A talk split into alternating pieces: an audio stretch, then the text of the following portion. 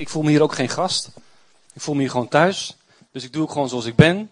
En als jullie doen zoals jij bent, dan, nou, dan is het in ieder geval een stuk ontspannender. Ja, toch? In ieder geval een stuk stress weg. Dat scheelt voor iedereen. En um, het, is, het is wel anders voor mij deze keer. Want vorige keer, toen, ik, toen, toen we hier klaar waren, kon ik doorgaan, teruggaan naar Doetinchem. En kon ik gelijk weer onze dienst instappen, want wij hadden smiddags dienst om drie uur. Dat is veranderd. Wij hebben tegenwoordig dienst om half elf. Dus als ik straks eh, thuis ben, dan ben ik ook thuis. Dat is ook lekker. Dat is ook lekker. Dus nu, nu is onze dienst ook aan de gang. Dus uh, we pikken daar gewoon een beetje. Hè, heer, we zijn allemaal één familie, één gezin. Mogen we daar ook een beetje zalving van? Dan mogen zij wat van ons. Heerlijk toch? Ik wil met jullie een stuk gaan lezen uit Lucas. Lucas 10.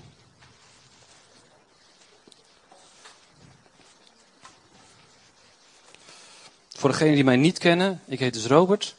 Ik kom uit Doetinchem. Uh, ik ben, uh, zit op de kwart van mijn leven. Ik ga ervan uit dat ik 120 word. Als de Bijbel zegt dat dat de maximum is, dan ga ik ervoor. Maar als de Heer vindt dat ik eerder terug moet komen, ik hou hem niet tegen. Ik, uh, ik, het lijkt me heerlijk om bij God te zijn, maar zoals Paul ook al zei, het is goed om hier te werken. En ik heb een, ik heb een vrouw en twee kinderen. Een zoon van bijna drie, die heet Seth. En een meisje, Noëlie, die is anderhalf. Die hebben net alle twee de waterpokken gehad. Dus uh, ik heb slapeloze nachten gehad en lopen door de huis en schreeuwen en krijsen. Dus uh, ik wil zeggen, ik ben wel wat gewend. Dus als jullie willen schreeuwen en krijsen, dan uh, voel je vrij. Goed zo. Lucas 10, zei ik, hè? Ik moet even mijn preekpapiertje zoeken, anders ben ik er straks helemaal kwijt. Het is niet veel, dus ik weet niet hoe lang jullie hebben. Is dit een klok trouwens? Niet? Oh, daar. Doen we niet aan. Oké, mooi. Lucas 10, vers 25. En ik lees uit een misschien wat andere vertaling. Ik lees uit de katholieke vertaling. Dus het kan zijn dat het misschien net even wat anders is wat bij jou staat. Maar ik ga ervan uit dat het wel ongeveer hetzelfde is. En dit is op zich een heel bekend verhaal. De meeste van jullie zullen het echt wel kennen. En de sommigen misschien wel een beetje. Maar het is een prachtig verhaal. En ik wil dit even met jullie gaan lezen. En dan wil ik erover gaan vertellen. Want ik geloof dat God voor vanochtend tegen mij sprak. Dat ik iets mocht gaan delen. Over iets wat hij in mijn leven gedaan heeft. En nog steeds mee bezig is. Om een stukje van zijn hart aan jullie te laten zien. En niet dat ik nou zo goed ben dat ik het wel begrepen heb. Maar ik geloof wel dat daar kracht in zit. Dat als God een van zijn kinderen iets geeft, dat er kracht in zit dat ze kinderen doorgeven. En ik hoop dat jullie het vandaag willen ontvangen van mij. Het komt van God af hoor, maar ik geef het alleen maar door. Lucas 10, vers 25. Er kwam een wetgeleerde naar hem toe, en hem is dan Jezus, om hem op de proef te stellen. Rabbi, zei hij, wat moet ik doen om deel te krijgen aan het eeuwig leven? Hij zei tegen hem, wat staat er in de wet geschreven? Hoe leest u dat? Leuke vraag, hè? Hij vraagt niet alleen wat staat er in de wet geschreven, maar hij vraagt ook, hoe lees jij dat? Hoe interpreteer jij dat? Want hij was een wetgeleerde, een schriftgeleerde, een fariseer. Ik weet niet wat er in jullie vertaling staat, maar het zal iets in die richting zijn. Hoe lees jij dat? Hij gaf ten antwoord, u zult de Heere uw God liefhebben met heel uw hart, met heel uw ziel, met heel uw kracht en met heel uw verstand. En uw naaste als uzelf. Hij zei tegen hem, juist geantwoord, doe dat en u zult leven. Maar hij wilde zich rechtvaardigen en vroeg aan Jezus, ja maar wie is dan mijn naaste? Jezus nam het woord en zei, op reis van Jeruzalem naar Jericho viel iemand in handen van rovers. Ze schudden hem uit, mishandelden hem, lieten hem halfdood achter. Toevallig kwam er een priester langs de weg. Hij zag hem, maar liep in een boog om hem heen. Ook een leviet die voorbij kwam en hem zag, liep in een boog om hem heen. Toen kwam er een Samaritaan langs die op reis was. Hij zag hem en was ten diepste met hem begaan. Hij ging naar hem toe, goot olie en wijn op zijn wonden en verbond ze. Toen zette, hij hem op zijn eigen rijdier en bracht hem naar een herberg waar hij hem verder verzorgde. De volgende ochtend haalde hij twee dinariën tevoorschijn en gaf ze aan de waard. Zorg voor hem, zei hij. En als u nog meer kosten moet maken, zal ik ze u op mijn terugreis vergoeden. Wie van die drie is naar uw mening de naaste geweest van de man die in de handen van de rovers was gevallen? Hij zei, hem die hem barmhartigheid heeft bewezen. Jezus zei tegen hem, doe dan voortaan net als hij. Ik wil even met jullie bidden. Vader, dank u wel, Heer. Dank u wel dat uw woord zo krachtig is.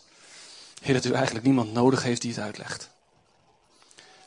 Heer, ik wil u danken dat u uw woord in mij geplant hebt, Heer. En dat ik er, ja, zoals Gerard de Groot dat zegt, zwanger van ben. Heer, en ik wil het brengen zoals u het heeft gegeven. Heer, ik bid ook dat u het schoon was van iedere invulling van mijzelf. Heer, dat u bij mij gebruikt als een rein kanaal, Heer, om uw woord te brengen naar deze gemeente. Heer, zodat uw liefdevolle kinderen geraakt worden door uw woord. Heer, ik bid dat onze harten open zijn om te ontvangen. Heer, dat er goede grond is, Heer, waar het zaad wat u vanochtend wil gooien, Heer, dat dat goed zal landen, zal opgroeien. Dank u wel dat u mij ervoor wilt gebruiken. Amen. Amen. Zoals ik al zei, ik wil jullie meenemen een klein beetje in, in een proces wat, wat God mij, mij meegenomen heeft. Ik kom voor, um, uit een, een zendingsgezin. Mijn ouders zijn zendelingen, jaren geweest, ik weet niet beter. En ze zijn het nog. Dus ik heb een degelijke christelijke opvoeding gehad. Ik heb jaren in, in het buitenland gewoond en in verschillende landen. En ik heb gezien hoe zending in zijn werk gaat. En ik heb er vanaf begin af aan heb ik van geproefd. En dat is toch iets heel geks. Ik heb eigenlijk nooit de hele geest van een zending begrepen. Ondanks dat ik altijd in opgegroeid was. En een tijdje geleden, ik denk twee jaar geleden, begon God tot mij te spreken over, uh, over zijn hart, over mensen. En hij begon, hij begon te spreken over dit stuk, die ik zo ontzettend goed ken. Ik had alle vormen van kinderboekjes erover gelezen. De barmhartige Samaritaan, de luie ezel. We hebben allerlei versies erop. En, uh, en ik kende hem door en door. En toch sprak God hierover. Op een zo'n nieuwe manier. En het gebeurde, uh, mijn ouders wonen in Curaçao. Als zendelingen. Ja, heerlijk. Hé hey Els, wat fijn hè Curaçao. Ja, Els is er ook een tijdje geweest om hun te helpen. Ze hebben daar een kinderdorp, Hebron, waar ze kinderen opvangen. Uh, Curaçao heeft ontzettend hard de liefde van Jezus nodig. 60% van de kinderen worden daar buitenechtelijk geboren. De vaders zijn aanwezig. En de geest van slavernij drukt ze nog. Ze hebben zending nodig. En dankjewel Els dat je er geweest bent. En mijn ouders zitten daar en die doen geweldig werk. En mijn vrouw en mijn kinderen die gaan één keer per jaar op zijn minst met mij mee daarheen op zendingsreis naar Curaçao om bij mijn ouders te zijn. En zij kunnen lekker bij een open oma zijn. En uh, wij liepen daar op een avond met een groep door de stad heen, door Willemstad. En dat is heerlijk. Oh, het, koelt daar s'avonds niet af, hè. Dus het is, het is donker en het is nog steeds warm. Ik vind het heerlijk. En je loopt daar over, over het water en heb je zo'n hele beroemde brug. Dat heet de Wilhelmina-brug. En die is van allemaal pontons. Allemaal soort bootjes. En die, die kan dus ook open. En dan moet je keihard rennen als die open gaat, want ze sluiten hem gewoon af en ze gooien hem opzij. En als je erop staat, nou, dan blijf je maar staan. En dan komen de dikke schepen komen langs en heel bijzonder. We liepen over die brug, s'avonds uh, ja, rond een uur of tien denk ik. Een hele groep. En ik vergeet het nooit meer. Er kwam een man op mij af. En je kon aan hem zien dat hij het niet makkelijk had. Eigenlijk schat ik er al gelijk in, deze man is verslaafd aan de drugs. Op zijn minst. Waarschijnlijk ook alcohol, want dat gebeurt er ook heel veel. Mannen die drinken daar heel veel. En vaak. Veel en vaak is nooit een goede combinatie met alcohol. Hè? En die man die kwam op me af en hij zei, mag ik een gulden meneer? Eigenlijk zei hij, en dat raakte me ook onwijs, hij zei, meester, mag ik een gulden? En meester is het woord wat de slaven gebruikten voor de blanke overheerser.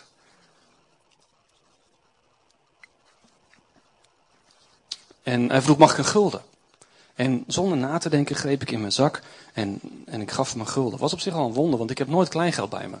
Mijn vrouw is de kassier en die, die beheert de financiën. En ik had helemaal geen geld bij, maar ik toen wel. En ik gaf hem een gulden. En het is geen euro, het is een gulden. Ze hebben daar nog steeds gulden. Dus het is erg wennen als je daar rondloopt. En ik gaf hem een gulden. En toen zei hij, dank u wel. En toen ging hij weg. En ik stond daar eigenlijk een beetje verbaasd. Want dat doe ik normaal nooit. Dus mij namelijk geleerd eigenlijk, meegegeven, dat als je een verslaafde geld geeft, dan ondersteun je hem in zijn verslaving. Dus eigenlijk geef ik hem een gulden en zeg joh, ga lekker drugs kopen. dat is wat mij geleerd is. Meestal zeg ik, als ik op Hoogkaterijn of zo liep, zeg ik nee, nee, nee, dat doe ik niet aan. Ga maar naar een zorginstelling of iets dergelijks. Laat voor je bidden of zo, ga naar de kerk.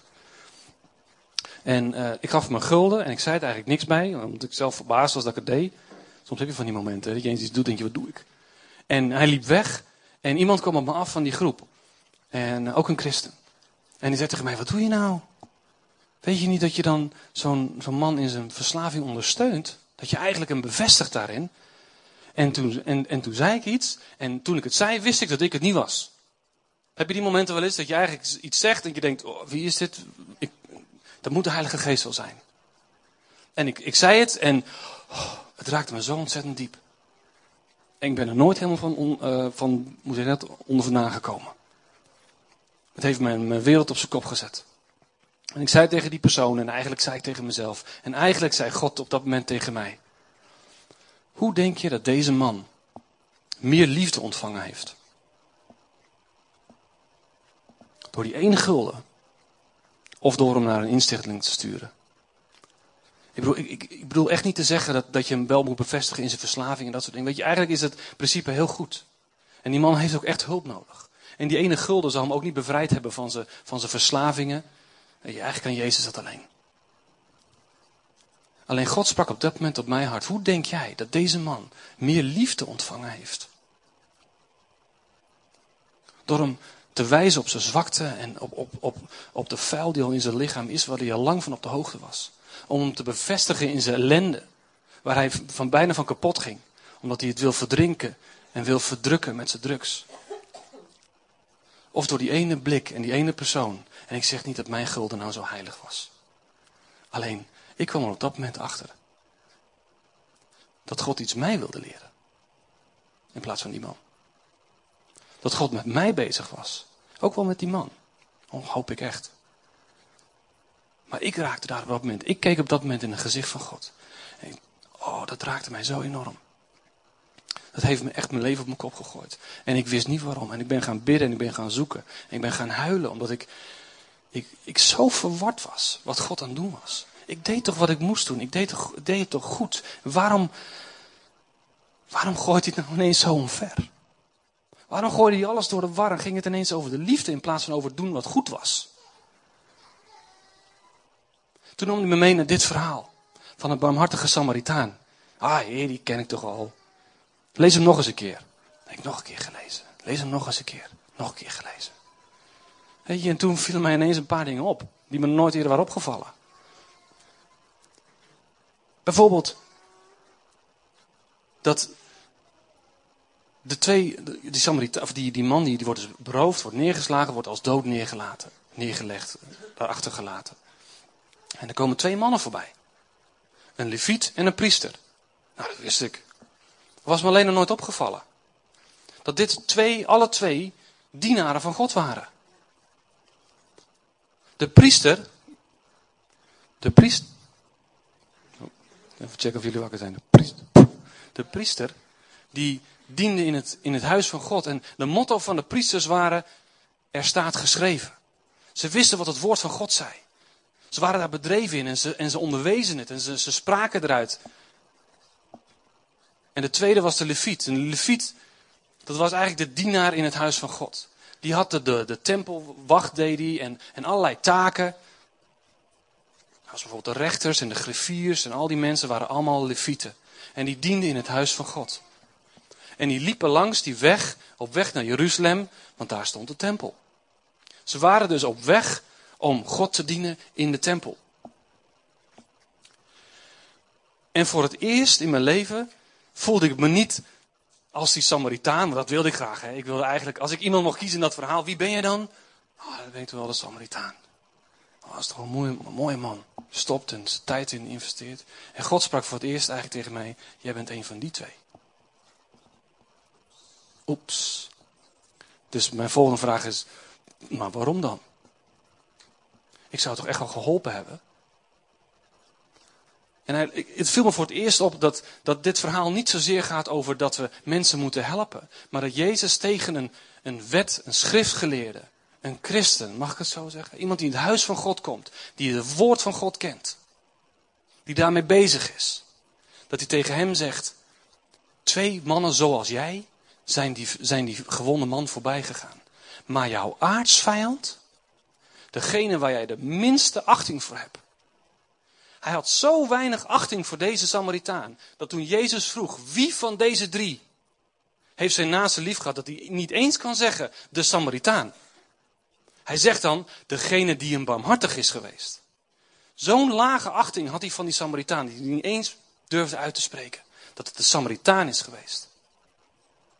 En Jezus zei tegen deze man, twee mannen zoals jij zijn hem voorbij gegaan. Je kent de wet, je weet wat erin staat. Maar jouw hart gaat eraan voorbij. En God sprak tegen mij en hij zei, Robert, in jouw leven heb je het goed voor elkaar. Je weet wat de wet is, je weet wat er staat. Heb je naast de liefde of jezelf. En als mensen het vragen, dan zul je het ook wel zeggen. Maar als het erop aankomt, en je bent onderweg naar de tempel, of, of je bent in de dienst van God, dan zul je eromheen lopen. Dan zul je je taak, of je roeping, of je wat dan ook, zul je gebruiken om eromheen te gaan. Want deze mannen hadden namelijk een reden om deze man die op de grond lag niet te helpen. Ze hadden daar een hele legitieme reden voor. Er staat namelijk in Leviticus dat als je een dode, of een, of een door natuurlijk of door geweld persoon aanraakt, nou goed, hij lag als dood, dat je zeven dagen onrein bent en niet in de tempel mag dienen. Dus ik stel me voor dat die gasten aankwamen, dat ze die, dat ze die dode man of halfdode man zagen liggen. En dachten, wacht even. Als ik hem nu help, kan ik mijn taak niet uitvoeren. Dan kan ik niet meer in de tempel dienen. Dus het is, ik denk dat het beter is dat ik hem niet help. Ik denk dat ik God daar meer mee dien, dat ik hem niet help. Ik kan me voorstellen dat ze zo dachten. Waarom? Omdat ik waarschijnlijk ook zo dacht. Ik kan meer, ik kan meer doen als ik hem niet help. En Jezus spreekt hun hierop aan. En hij zegt, niet de leviet, niet de priester, die zo goed weten wat er in Gods woord staat en eigenlijk zo goed het hart van God zouden moeten weten. Die helpen deze man. Maar degene die jij, die jullie in de laagste achting hebben, die komt langs en die ziet het. En er staat een zin in. En die zin, dat heb ik letterlijk om zitten huilen. Toen kwam er een Samaritaan langs die op reis was. Hij zag hem en was ten diepste met hem begaan. Met ontferming bewogen. En het was zo duidelijk voor mij op dat moment dat God voor mij dat vroeg. Ben jij met ontferming bewogen? Toen, jij die, toen die man voor die gulden kwam vragen. Wat ging er door je heen? Ik zei, nou, u weet het alvast, dus ik hoef het ook niet te vertellen. Hij zei, nee, zeg eens. Uh, hij, hij zal het wel zelf verdiend hebben. Als je echt van de drugs af wil komen, dan lukt dat toch wel. Uh, je wil blijkbaar niet. Uh, nou ja, moet ik doorgaan? Ik hoop dat hij nee zou zeggen. Maar dat was wat in mijn hart leefde. En er was geen greintje ontferming. Geen greintje.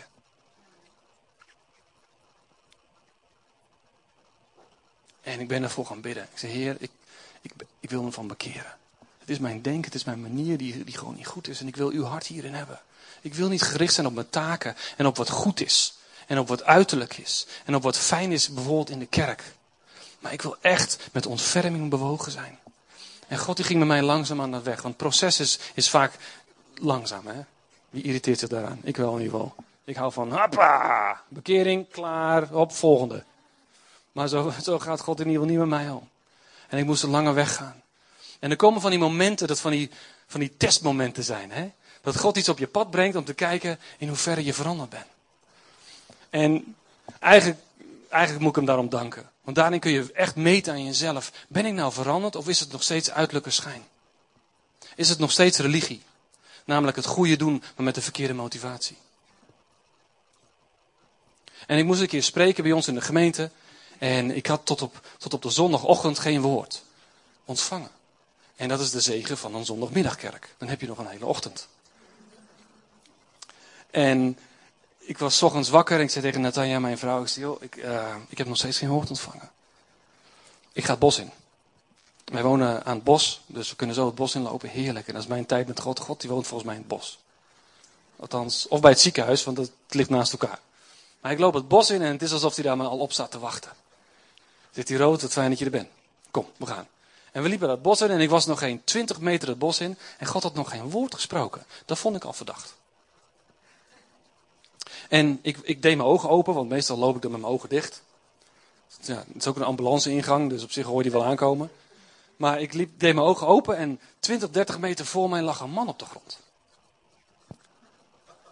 En ik dacht, dat is vreemd.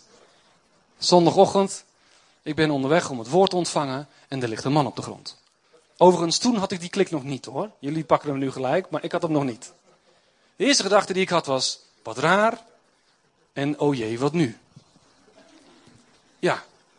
Dus ik uh, loop er een beetje voorzichtig uh, omheen. En ik, ik, kijk naar hem en hij begint een beetje te kreunen. En uh, ik loop eens op hem af, omdat ik ook dacht, ik ben heel praktisch. Je ligt hier in de ambulance-ingang. Als die gasten straks aankomen jakkeren, dan heb je wel op zich gelijk hulp. Maar ik vraag me af of dat wel wijs is. Dus ik liep op hem af en ik hielp me eigenlijk omhoog. Ik zei, wat is er aan de hand? En deze man was stom dronken. Stom dronken. En hij kon geen, hij kon geen vijf stappen zetten. En, oh, toen begon de worsteling. Heer, ik heb hier geen tijd voor. Ik heb een woord om te ontvangen. Ik heb vanmiddag moet ik spreken. Kunt u me ook nuchter maken? Iets. Ik zeg, nou weet je wat? Ga even lekker op dit bankje zitten. Dan, uh, weet je, dan kun je even lekker uitrusten. En als je dan een beetje wat nuchterder bent, kun je lekker naar huis lopen. Dat is een goede oplossing, ja toch? Ik vond het wel. Nou, ik zet hem op het bankje. En ik sta zo twee stappen weg van, nou, dit gaat wel goed. Bak!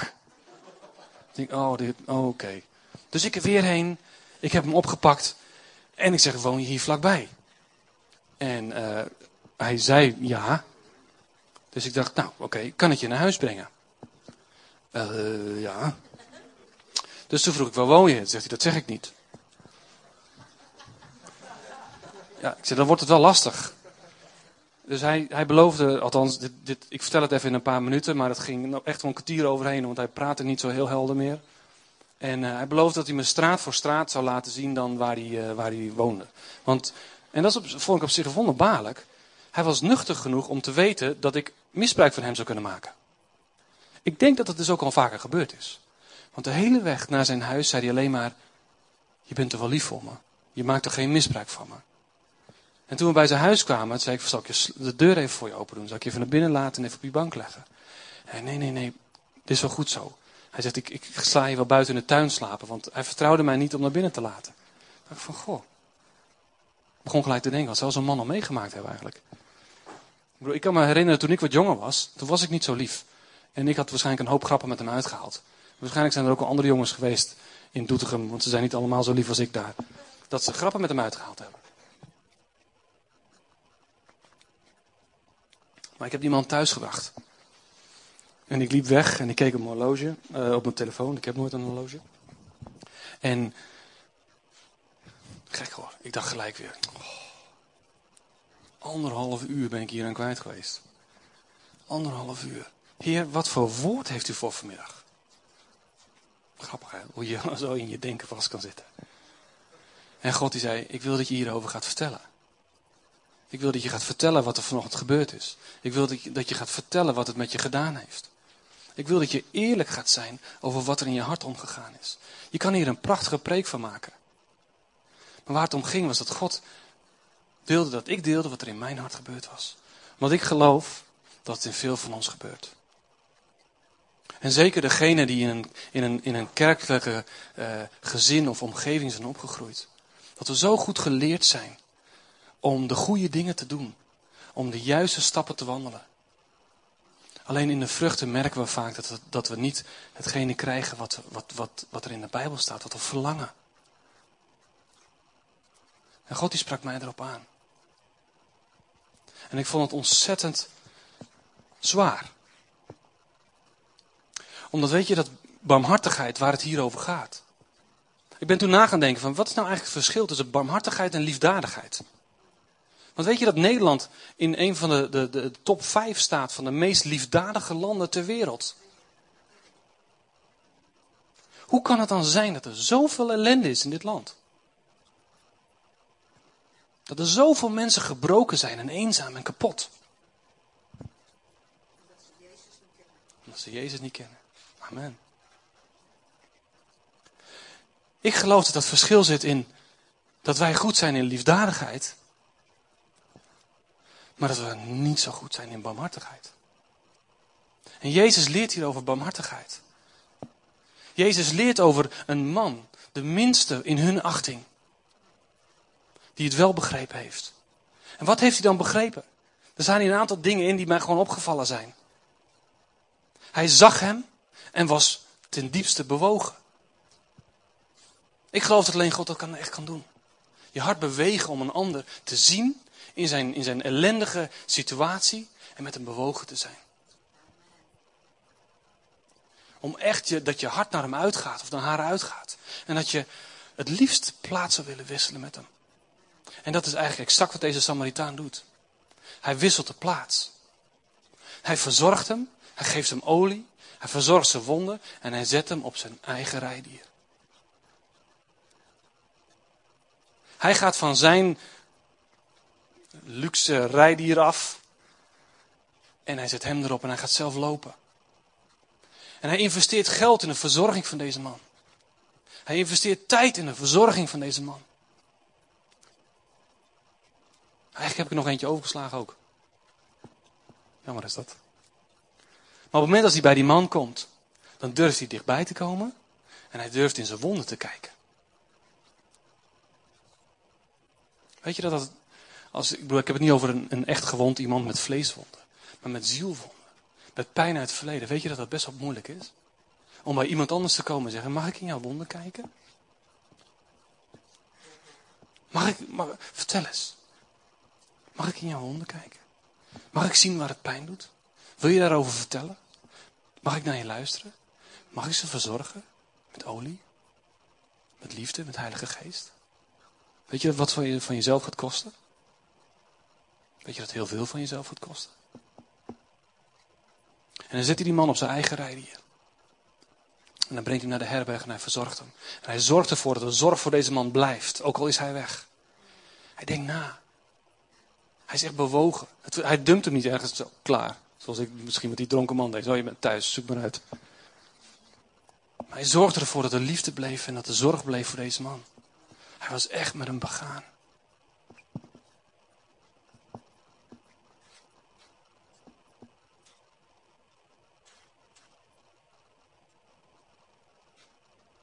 Ik stelde mij dit verhaal voor in een andere versie. Stel dat Jezus hier niet over, lief, barmhartigheid had gehad, maar over liefdadigheid. Hoe zou het verhaal dan gelopen zijn? Misschien dat de leviet dan wel gestopt was en een gulden had gegooid en zegt: Succes, is voor je wonden. Of van een afstand had gestaan en zegt: Ik zal er voor je bidden. Ik kwam een keer bij een vriend van me en ik zeg: Hoe is het met je? Hij zegt: Ik ga kapot. Ik zeg: Vertel eens. Hij vertelt, ik zeg: Ik ga voor je bidden. En ik loop weg. En hij zegt, ik dacht je voor me zou bidden. Oh. Op dat moment confronteerde God mij dat ik een zin gebruik, ik zal voor je bidden om gewoon daar weg te kunnen. Oh man, wat zat ik diep.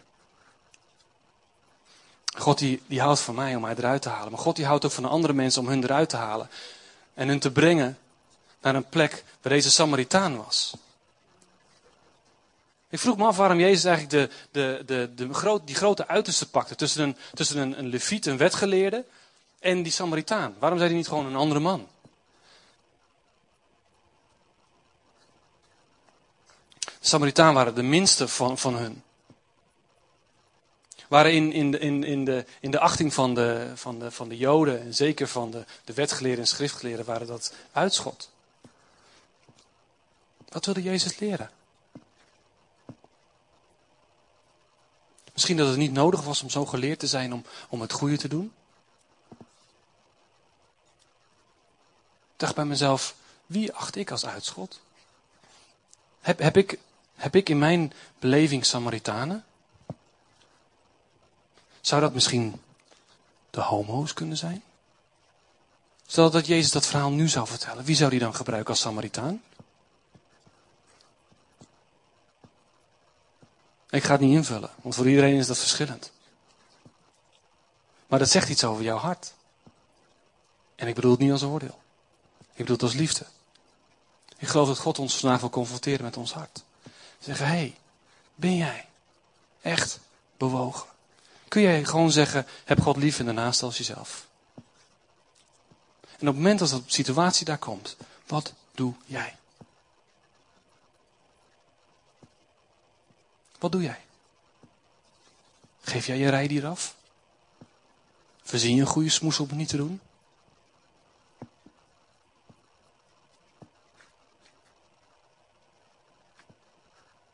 Ik heb een, een kort filmpje, heb ik in elkaar gezet althans. Het is een, wat langer filmpje, maar ik heb hem ingekort. En ik heb hem van YouTube afgeplukt, dus je kan hem ook gewoon daar, uh, daar vinden. En het is een, uh, eigenlijk een promotiefilmpje van uh, de stichting Compassion. Wie kent Compassion niet? Oké. Compassion is eigenlijk een, een, een organisatie gericht om kinderen in arme landen, dat je sponsor kan zijn van een kind in een arm land.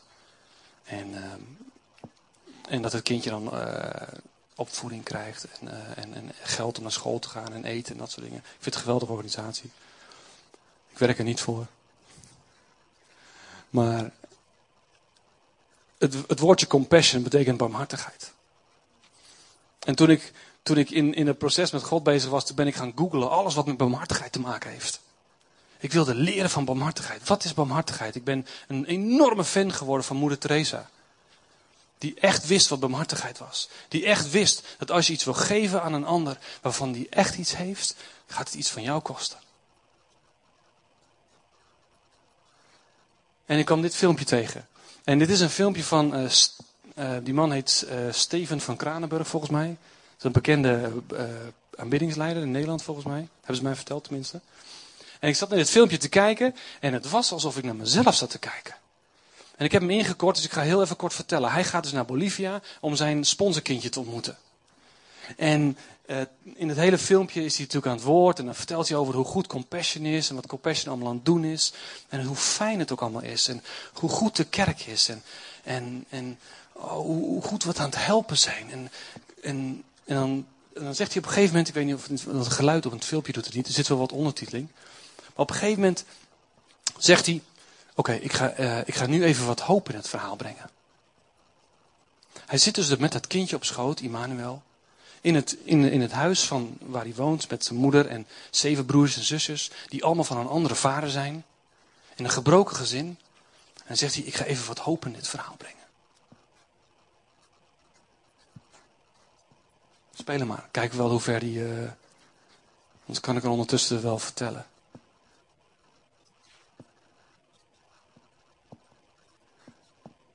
Nou, zo kort is die niet. Ik hem even anders opnieuw opstarten.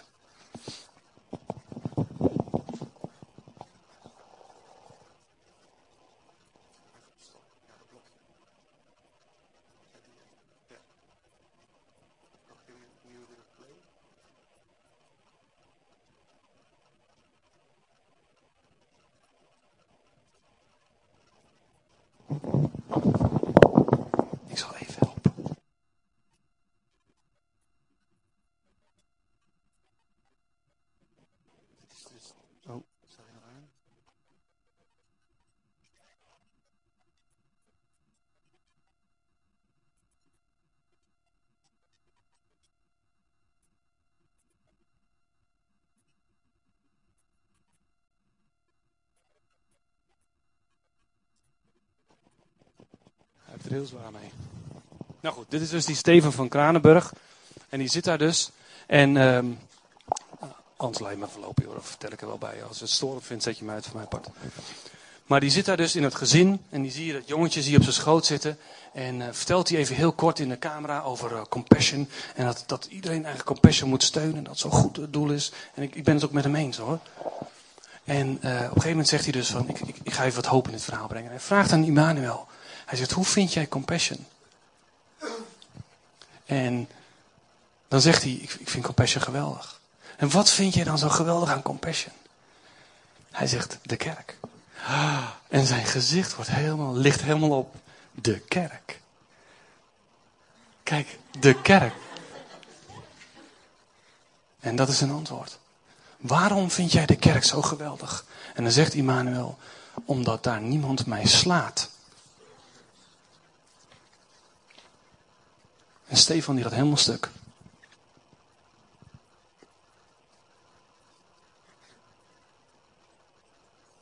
En die vrouw daarnaast, die dus hem steeds slaat, die raakt helemaal vol.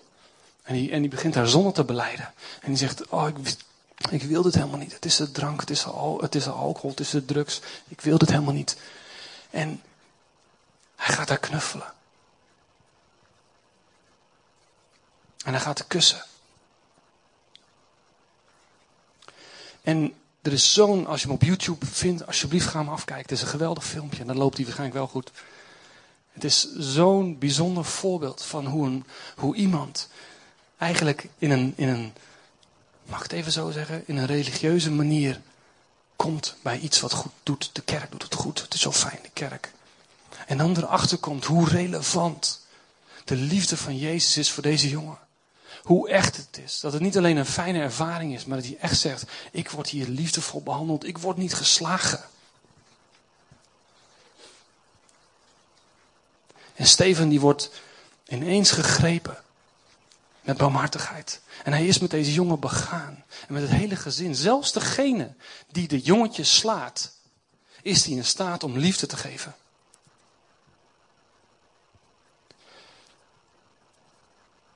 En ik heb dat filmpje op mijn bureaublad staan. En die, en die klik ik heel vaak even aan. En dan ga ik gewoon even kijken. En dan word ik geconfronteerd met hoe ik was en hoe ik ben. Want ik kan dit niet zonder tranen kijken. En ik stel me dan voor, de mensen die om mij heen zitten, de mensen die ik tegenkom op straat, de mensen die ik tegenkom, ook in mijn gemeente, die zo gebroken zijn.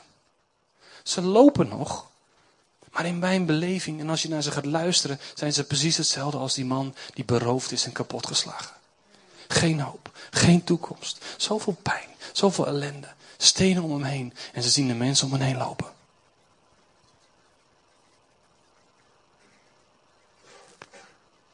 En ik bid elke dag. Bid ik dat God mij de ogen opent voor de armen. En als ik bedoel armen is het niet alleen financieel. Maar het zijn mensen die in, in alle vormen arm zijn. En dan kunnen ze een heel mooi uiterlijk hebben. En hele mooie kleren. En zeker in Nederland moet je daardoor niet laten afleiden. We hebben heel veel armoede in Nederland. Zeg, Heer, open mij de ogen voor de armen. En leer mij om in barmhartigheid met hen om te gaan. Zoals deze man, die zijn eigen ezel afstaat. Die zijn eigen luxe afgaat, afstaat. Die zijn eigen comfort afstaat. Zodat deze man verzorgd kan worden. Dat is het hart van God. Weet je, dat is het hart van God voor jou. En God verlangt dat wij zijn hart meenemen. Dat we zijn hart overnemen. En zeggen, dat is wat deze wereld nodig heeft. De wereld heeft geen liefdadigheid nodig. Echt niet. Ik heb in een zending gewoond, gewerkt, geleefd. En daarin merk je verschil tussen liefdadigheid en barmhartigheid. En is het nou zo dat de christenen altijd barmhartigheid brengen? Nee. Maar je hebt mensen die komen met heel veel geld, met heel veel middelen. En je hebt mensen die komen met bijna helemaal niks en die veranderen meer. Omdat ze komen om zichzelf te geven. Omdat ze komen om in wonden te kijken. En omdat ze komen om te zeggen, ik wil alles geven wat ik heb voor jou. En voor jou. En voor jou. En voor jou. En ik wil vandaag, straks gaan we samen een lied zingen. Je mag aan naar voren komen, Tanja. Ik wil samen een lied gaan zingen. En eigenlijk heb ik ook een, nog een filmpje meegenomen, maar die doet het niet. En het is een liedje van Sarah Groves. En het is een vrouw die, eh, een christen, eh, een hele bijzondere zangeres vind ik haar. En ze is naar, eh, naar Rwanda gegaan na de oorlog. En ze heeft daar rondgelopen en ze heeft gezien. En heeft ze een liedje over geschreven. En die is ook op internet te krijgen. Waar alles op internet te krijgen. Die heet I Saw. Ik zag. En er is een zin in, dit, in, die, in, die, in, die, uh, in het liedje. En die vind ik zo bijzonder. En, die, en die, het liefst had ik het vandaag met jullie mee gezongen, voorgezongen. Maar dat wilden jullie denk ik niet. dat ik dat voor jullie ga doen. En één regel die in, in het refrein zegt: Your pain has changed me. Toen ik jouw pijn zag, toen veranderde het mij. En ik vind dat een godswonder. En ik wil vandaag na de dienst voor jullie bidden. Voor wie dat wil. Ik heb een barmhartige broeder meegenomen uit, uit Doetinchem. En die echt een zalving heeft van barmhartigheid. En die wil ook voor jullie bidden. En ik bereid je wel voor. Het is niet een. Uh, ach, bid me en daarna is het, is het proces voorbij of zo. Of dan is het gebeurd. Maar dan begint het pas. En het is niet makkelijk. En ik, ik ben er echt nog lang niet door. Halleluja. Maar de vraag is aan jullie: wil je eraan beginnen? Wil je eraan beginnen? Om te beseffen dat je hart opengesteld moet worden. Door de Heilige Geest voor de armen. En dat je daarvoor kracht nodig hebt. En misschien wel bekering. In je, in je denken.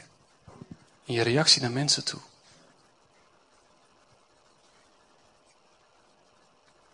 Na het lied mag je naar voren komen en dan, dan wil ik heel graag voor je bidden. En Henk ook.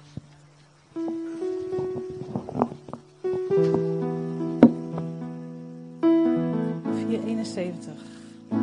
Hier maak, raak mijn hart aan.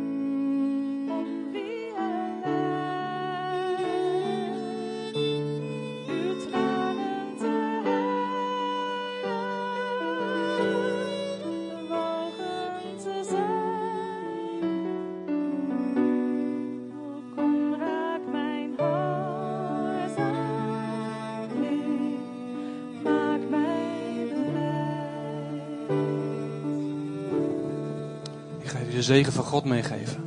En we zingen daarna het lied nog een keer. misschien wel nog een keer. Ik weet niet hoeveel fut zij hebben.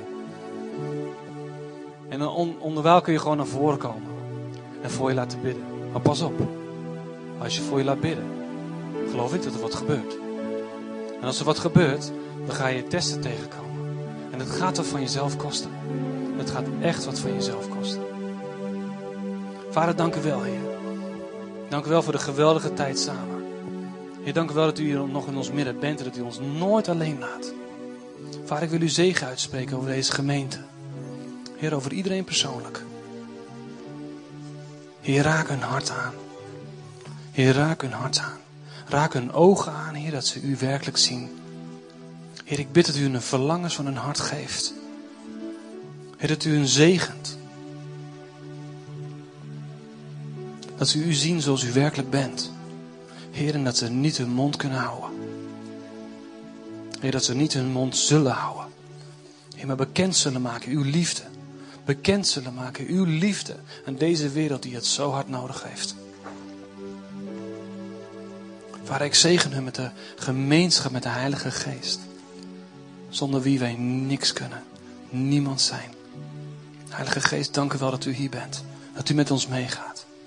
Zo zegen ik jullie met kracht en met barmhartigheid. In Jezus' naam. Amen.